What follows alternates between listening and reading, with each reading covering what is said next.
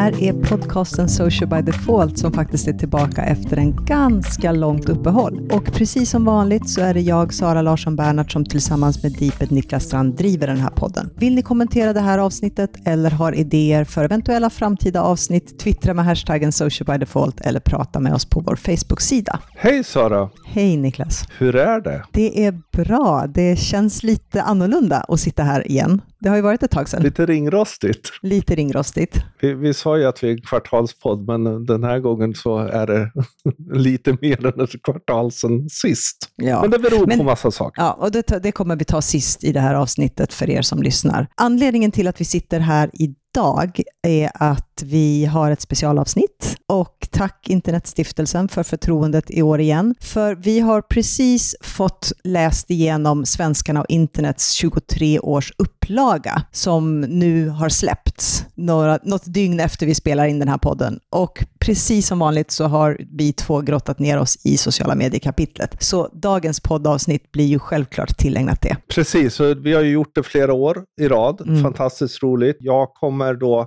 vara på tisdag, då när den släpps, kommer jag vara också på plats för att lyssna på Måns genomgång av den hela. Det vi kommer göra är inte att gå igenom siffra för siffra och sådär, utan läs den. Det kommer finnas länkar i show notes och jag menar, ni hittar den, svenskarna och internet.se. Den är intressant, det är en viktig del för oss som jobbar med sociala medier, framförallt för oss som jobbar mycket i Sverige. Mm. En intressant sak som jag tror att många också kan göra. Förra veckan slä- släpptes Maktbarometern Mm. som Precis. tittar på vilka personer och företag, organisationer som har då makt på framförallt sociala medier.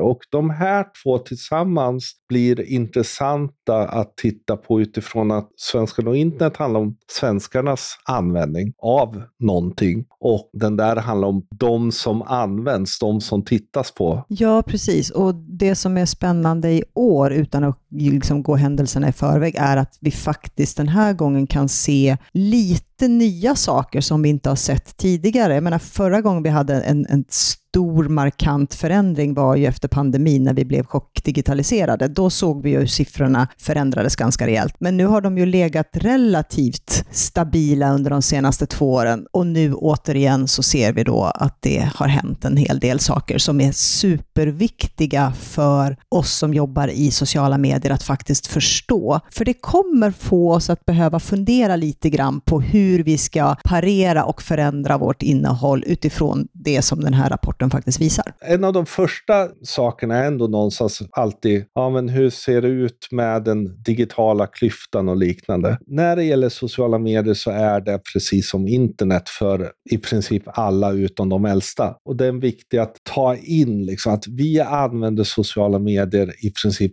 alla som har internet. Därmed blir den här relevant för faktiskt alla marknadsförare. Det är, inte, det är inte så att det bara handlar om de som har en viss del att arbeta med, utan det är relevant. Därmed är- blir det också att vissa saker kan man behöva jaga siffror någon annanstans. Man behöver komplettera Svenskan och internet ibland. Jag menar, under alla de här åren som vi har haft förmånen att läsa undersökningen så har vi ju också följt med en generation som har blivit äldre och äldre och varit digitalvana. För jag menar, de personerna nu när vi ser den här lilla procenten som inte använder sociala medier, de blir ju mindre och mindre för att vi har ju vuxit in på de här plattformarna Mm. och de följer med oss. Sen märker vi att vi förändrar vårt beteende lite grann, men egentligen bara 6% kvar som inte använder sociala medier. Och den siffran kommer ju krympa ju längre tiden går. Utgångspunkten är att alla använder sociala medier, Mm. åtminstone en stor del av sin internettid. Men om vi då tittar på undersökningen, vilka var våra viktigaste takes? Vilken är den första som du tänker på? Den här gången att det finns en så otroligt tydlig markering av generationsklyftan. Mm. Egentligen 00-talet är där, liksom, där det skär. Så alla före 00 använder en hel del plattformar och sen så ser vi att 00 och senare är det vissa plattformar som inte används överhuvudtaget. Mm. Där tycker jag är den mest tydliga och faktiskt kanske lite förvånande att det har blivit så otroligt uppenbart nu. Mm. Och självklart är det sådär att man kan säga, att de är ju unga och det förändras. Det kan det göra, men de börjar ju bli vuxna. Mm. Och de fortsätter hålla kvar vid det som har varit deras favoriter, Snapchat och även gått in på TikTok och liknande. Och det är antagligen en indikator att vi måste, inte bara i år, utan också framöver, bredda vårt spann av kanaler många gånger. Och det har ju vi pratat om lite grann innan, att, och jag tycker de här siffrorna som vi ser också visar på det. Det kommer bli mer och mer utmanande för oss som företag och varumärken att hitta de här breddkanalerna där vi kan nå alla, som Facebook och Instagram egentligen har varit. Vi har varit lite bortskämda och vi går mer och mer åt klusterkanaler där vi ser att vi kommer behöva bli bättre på att förstå våra målgrupper och förstå var de är. För vi kommer inte kunna använda en eller två kanaler och täcka in en stor målgrupp. Tittar man här så blir det också viktigt att kunna må sin målgrupp och börja titta på hur är den uppbyggd utifrån någon form av tioårsgenerationer som det här är uppdelat. Både du och jag har ju anammat det här sättet att titta på målgrupper redan tidigare. Att ha de här tioåriga klustren mm. eftersom det visar ganska påtagliga förändringar, både som du var inne före och efter, men också mellan till exempel 90-talister och 70-talister. Och den blir viktigare och viktigare eftersom då det är så fragmentariserat. Ja, och den enda egentligen breddkanal, eh, om man nu kan kalla den det, som vi ser som slår egentligen genom alla åldersgrupper, från 20, 30, 40-talister upp till 10-talister, är YouTube. Mm. Men vi vet också att YouTube är en kanal som är extremt svår för företag att lyckas med. Även om man kanske har stora budgetar och kan köpa, så är det fortfarande en kanal där du är inne och stör på ett helt annat sätt än vad du gör i våra vanliga kanaler. YouTube är den kanal där vi kan se att alla använder och alla använder ändå hyfsat mycket och framförallt mm. när man kommer upp i de unga åren. Men det är ju ingen kanal som vi kan använda som en breddkanal. Och framför allt är den inte en kanal som är speciellt stor när det gäller varje dagsanvändande. Nej. Utan den är ju lite utifall att, eller då och då, eller när, när man så att säga har en anledning att göra det, som, som YouTube då blir en viktig del. Till skillnad mot då de flödesinriktade kanaler, Facebook och de andra som är liksom mer varje dags användande. Och här ser man ju då liksom den här stora klyftan, för om man klustrar in det då före 00, ja men då är det våra ganska traditionella kanaler. YouTube, då, precis som vi sa, men också Facebook och Instagram som är de kanaler som används mest. Det är de som prioriteras och det är de som sätts som favoritkanaler. Mm. Men när vi kommer på andra sidan 00-talet och tittar på 00-talisterna och 10-talisterna, ja men då är det Snapchat, Instagram, där Instagram ligger mm. på liksom en tredje plats och de absolut yngsta, menar det är Roblox som är den kanalen som de mm. föredrar. Millennials, de är fortfarande ganska unga. De är någonstans på väg in i arbetslivet. De har inte kanske superbehovet av att hålla koll på släkt och vänner. Och det vi alltid har sagt att Facebook har en väldigt stark del av att göra. Samtidigt så är de väldigt starka på Snapchat. Vilket innebär, mm. där har de ju koll på antagligen de de behöver veta har tvingat in sina föräldrar där många gånger. Och, och det blir ju intressant framförallt kanske om man tittar då på 00-talisterna, alltså millennial som idag ändå är 23 år och mm. ska ut i arbetslivet. Vi pratar jättemycket om employer branding, men vi gör det idag på kanaler där de i stort sett inte är, utan vi behöver ju fundera på vilka kanaler ska vi använda om vi vill nå dem specifikt i liksom att försöka nå de här nyutexade eller de som är på väg in i arbetslivet. Mm. Ja, men vi kan inte använda eh, LinkedIn för att de håller inte till där i den stora utsträckningen. Vi kan absolut inte använda Facebook. Vi kan eventuellt använda Instagram, men vi behöver framförallt titta på Snapchat och TikTok i de delarna. Jag menar så här, Instagram kanske ibland blir en komplementärkanal mm. istället för att vara den huvudkanal som man ofta vill se den. Sen är det självklart, tittar man storleksmässigt och användarmässigt så är det fortfarande att Instagram är gigantiskt mycket större än...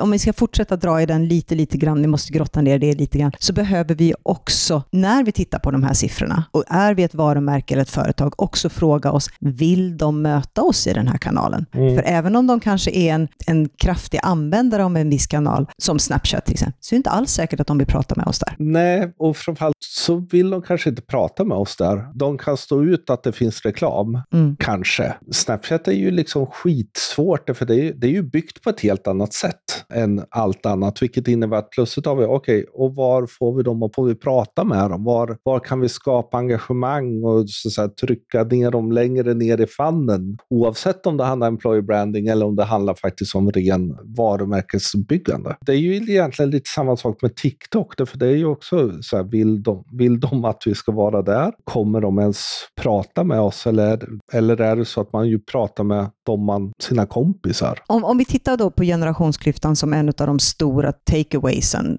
i den här, så tycker jag det finns en annan sak som också är intressant att se och det är ju faktiskt att Facebook minskar i användande. Mm. Det är första gången vi ser tydliga siffror. Det har funnits indikationer tidigare att i vissa åldrar och sådär, men just nu så ser vi också att folk är inte på den kanalen lika mycket som förut, om vi inte tittar på de allra äldsta. Där har de liksom Facebook mm. som sin favoritkanal, huvudkanal. Det är där de är. Ska man vara lite krass så är även 60 och 70-talister där ganska mycket också. Även om det minskar så är vi är ju där. Mm. När jag läste den siffran så tänkte jag också på just att hur den statistiken ser ut motsvarar lite hur vanlig tv-statistik ser ut. Så, så här, linjär tv-statistik ser ju ut likadan. Att så, så här, det är bara pensionärerna som tittar på det och så går det väldigt brant ut. Facebook, även om den inte är lika brant, så är det samma utseende. Och den där är ju knepig om man kommer till köp till exempel. Mm. Vad ska man använda för målgrupper? Hur ska man hantera sina målgrupper på till exempel Facebook? För jag menar, tittar man på siffrorna som man sen får ut så ser man ju ändå att det funkar ju. Men vilka målgrupper är det som det funkar mot? Att mm. faktiskt göra sin hemläxa i det här och därmed också diversifiera till exempel paid social, men också diversifiera hur man gör innehållet. Om, om bara så att säga, folk som är 45 och uppåt är mest aktiva på Facebook så är det ju antagligen, så blir det ju de vi ändå måste fundera och göra organiskt innehåll till. Det är sant. Och då blir det återigen tillbaka till kanske FMCG och lite mode och sådär, så finns det ju ganska många modeföretag som jobbar med barnkläder för att försöka nå föräldrar på Facebook. Men mm. återigen, om vi då vet att 45 är väl kanske gränsfallet när man är där mycket och så blir man äldre, ja men då har du barn som redan börjar bli uppåt 15, 14, 15, 16 och äldre. Mm. Och då har du ju inte de här små barnen och det innebär att den kanalen funkar ju inte för föräldrarna då, utan snarare mor, mor och farföräldrarna. Exakt, liksom. och att förstå att det kanske är där man ska försöka berätta sin story. Självklart, 90-talisterna finns också på Facebook. Det är inte så att de har försvunnit. Och 90-talisterna är ju de som använder i princip alla sociala medier hela tiden. Om Facebook-siffrorna då som vi såg kanske någonstans ändå är någon form av logik, för vi har ändå sett en minskad närvaro där,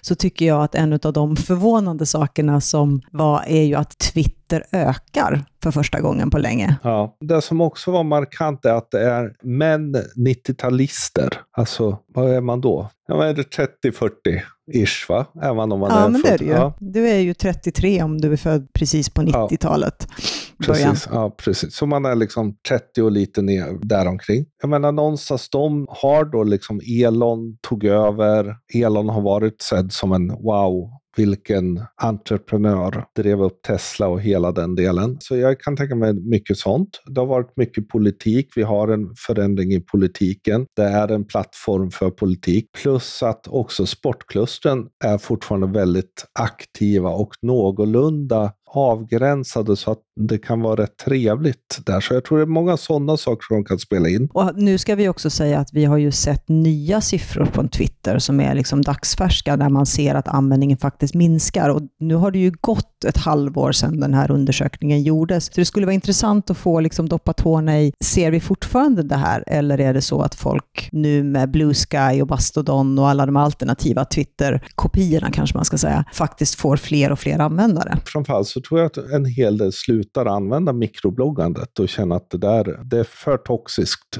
på X, så man hittar andra sätt att prata. Den intressanta var att Reddit har ju också gått upp två mm. procentenheter i samma målgrupp. Och Reddit har ju också lite gått igenom samma utveckling till att kanske bli lite bäskare. Jag tycker, och jag är ingen marknadsundersökning, men jag tycker att jag nu ser varje dag folk som lämnar Twitter. Allt från liksom små vardagskommunikatörer, att de som tycker om att vara där för att de pratar mycket och har liksom hittat en, en community de, de har trivts i, fram till riktigt stora experter och influencers som har byggt karriärer på plattformen, mm. känner också att det är alldeles för toxiskt där just nu för att man ska vara kvar. Och, och det Elon är ute efter just nu, att liksom det ska bli lite fashion och det ska vara live shopping och han vill ju liksom dra in den, går ju mot den här målgruppen och egentligen vad Twitter för många är tidigare i undersökningen som, som ni, ni, kan läsa så pratar de just om samhällsnyheter. Där har ju Twitter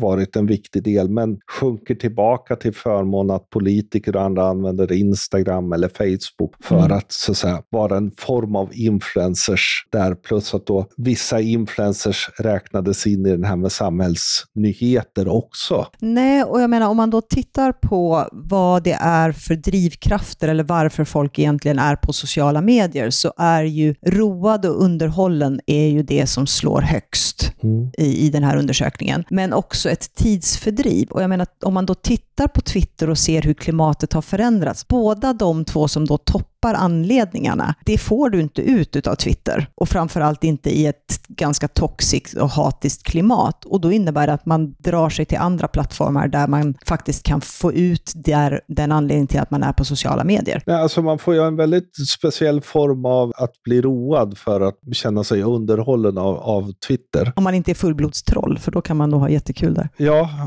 typ så. Fascineras av hur verkligheten kan vara bättre än satiren. Men det här är ju också återigen tillbaka till det här med varumärken och företag och, och de som, vi som vill vara i kanalerna för att nå våra målgrupper. Så blir det en sån här wake-up call. Att om majoriteten säger att att bli road och underhållen av roliga klipp och skämt är liksom topp för att man ska vara på sociala medier, ja, då ställer ju det otroliga krav på oss, varumärken och företag, att vi då ska kunna blanda oss in i den kontexten. Och det här går ju över alla plattformar egentligen. Ja, jag menar, underhållning kan ju vara mycket bredare, men nå någonstans att om den näst största är att få tiden att gå, så mm. är det ju mm. inte så att man liksom säger, åh, nu vill jag läsa den här informativa texten för att få tiden att gå. När man kommer leta efter något som är lite mer dopaminaktigt och lite mer roande eller intressant, inspirerande än mycket av det som företag ibland gör. För jag menar, kunskap och nya lärdomar eller tips och inspiration ligger först på fjärde plats och samhällsinformation eller samhällsnyheter ligger på sjätte sjätte plats. Mm. Så att det kommer ju, det är ju topp 10, men det kommer ju lite längre ner i ordningen. Och det innebär ju att vi har ju en otrolig konkurrens som företag och varumärken mm. att vara där, för att vi kommer alltid vara sekundära. Jag tänker den offentliga Sverige, mm. som ofta är ganska bakbundet i, i hur de ska göra innehåll, kommer ju försvinna fullkomligt i en sån här eh, situation. Just med det här så eh, tittade vi på Data Portal mm. och den stämmer ju ganska bra överens. Men den visar ju snarare på att, så att säga, följa varumärken, inspireras till köp och liknande är en ganska viktig del vilket inte riktigt syns i Svenskan och internet. Och där hade vi ju lite funderingar när det gällde frågorna, just vilka plattformar man använde och vilka plattformar som användes till olika saker, där vi inte riktigt såg influencers. För jag menar, ta Instagram som plattform, där vi såg att det var en ganska liten del använde Instagram för köp. Mm. Samtidigt så vet vi ju att det är extremt många influencers som använder Instagram som sin primära plattform.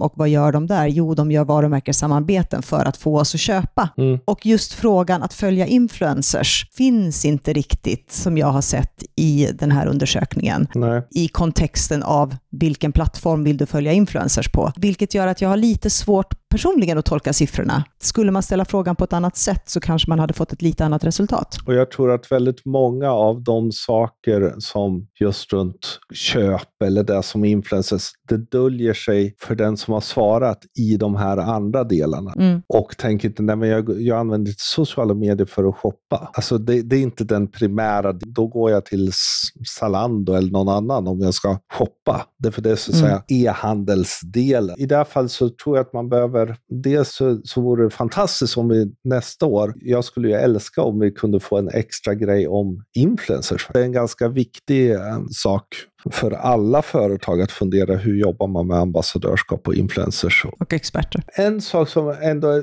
som jag tänkte på är ju någonstans att Meta har ju lite problem.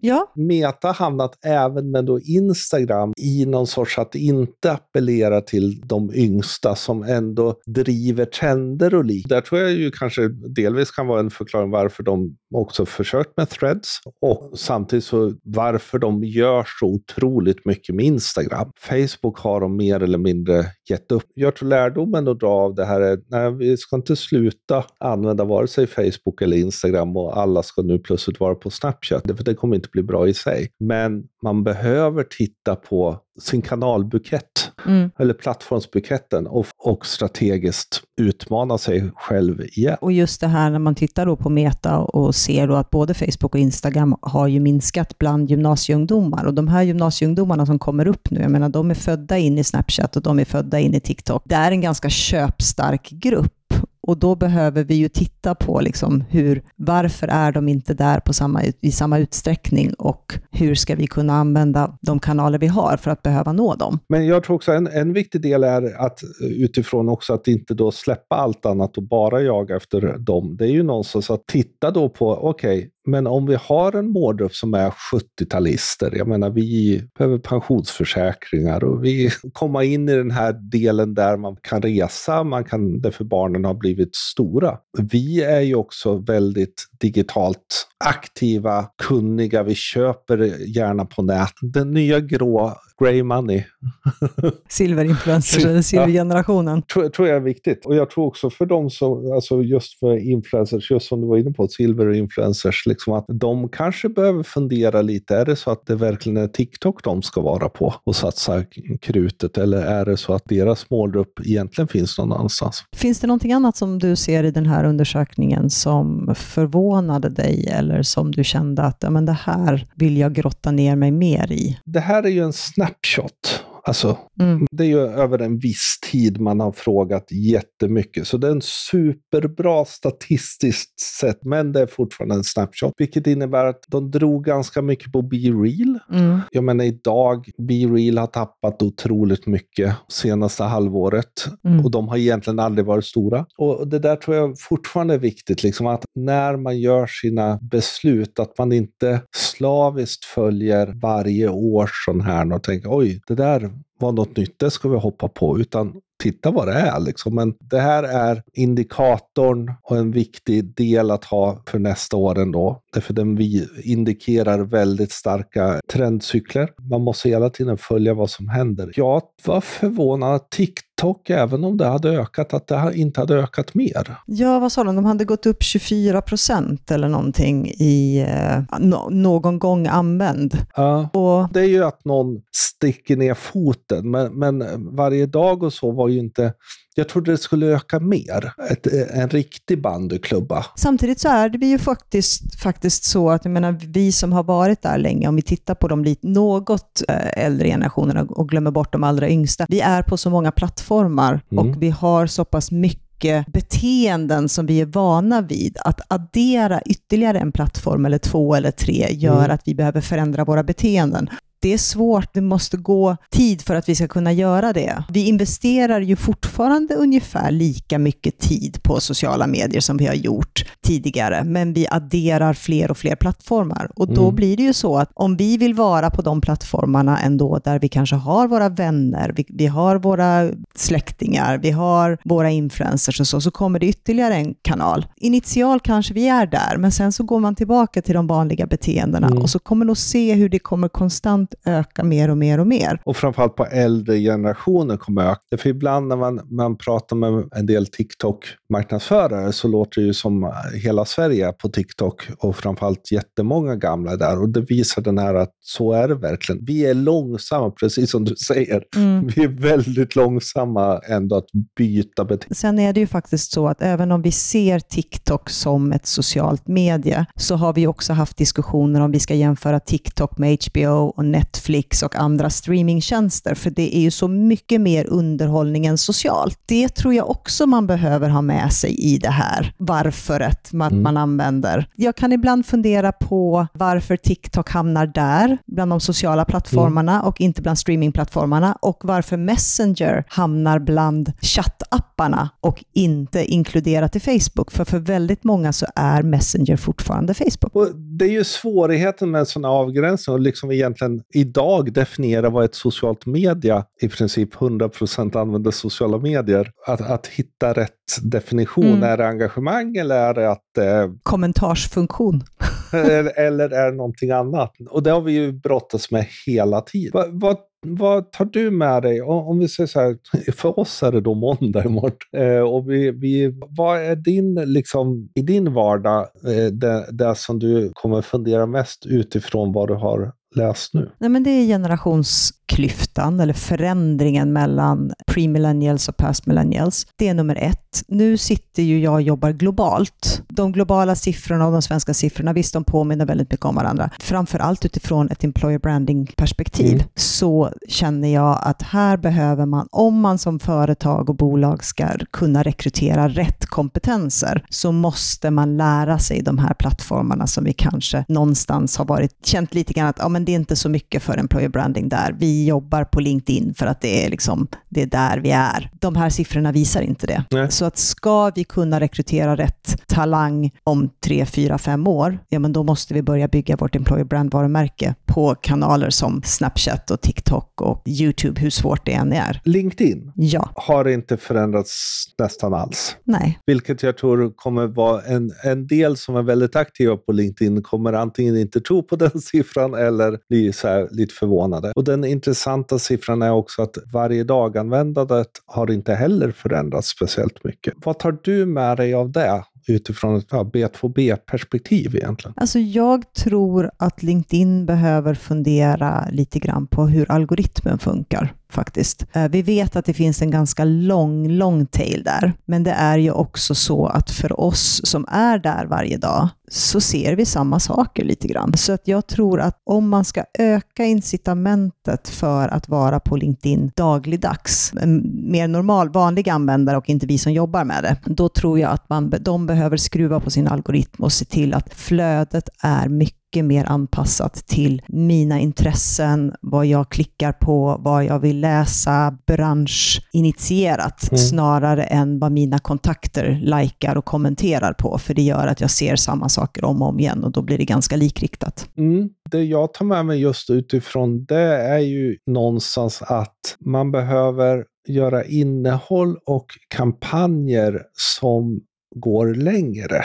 Mm. Och är tänkta att leva lite längre. Alltså det, de här, det korta tänket. Nu kör vi en kampanj för morgondagens funkar inte för folk är ju inte där riktigt varje dag. Och därmed bör man hela tiden förlänga tänket runt både organiskt men också köp. För min egen egoistiska del då utifrån mig själv så känns det också ganska skönt för man behöver inte uppdatera lika ofta där då.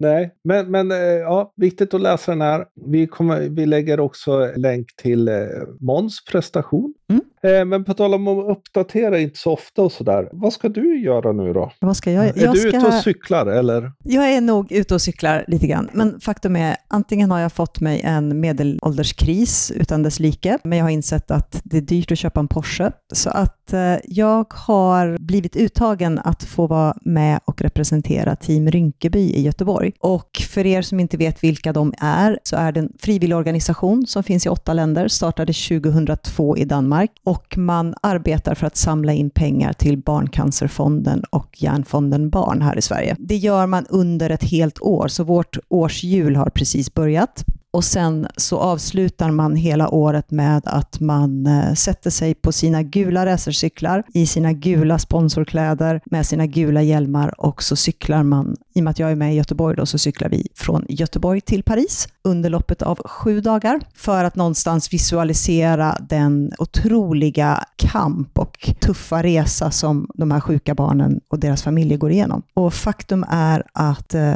Team Rinkeby är Barncancerfondens största bidragsgivare och i år så donerade de lite över 28 miljoner svenska kronor till mm. Barncancerfonden och Hjärnfonden Barn. Du, såklart, du har ju råkat få hand om deras sociala medier också.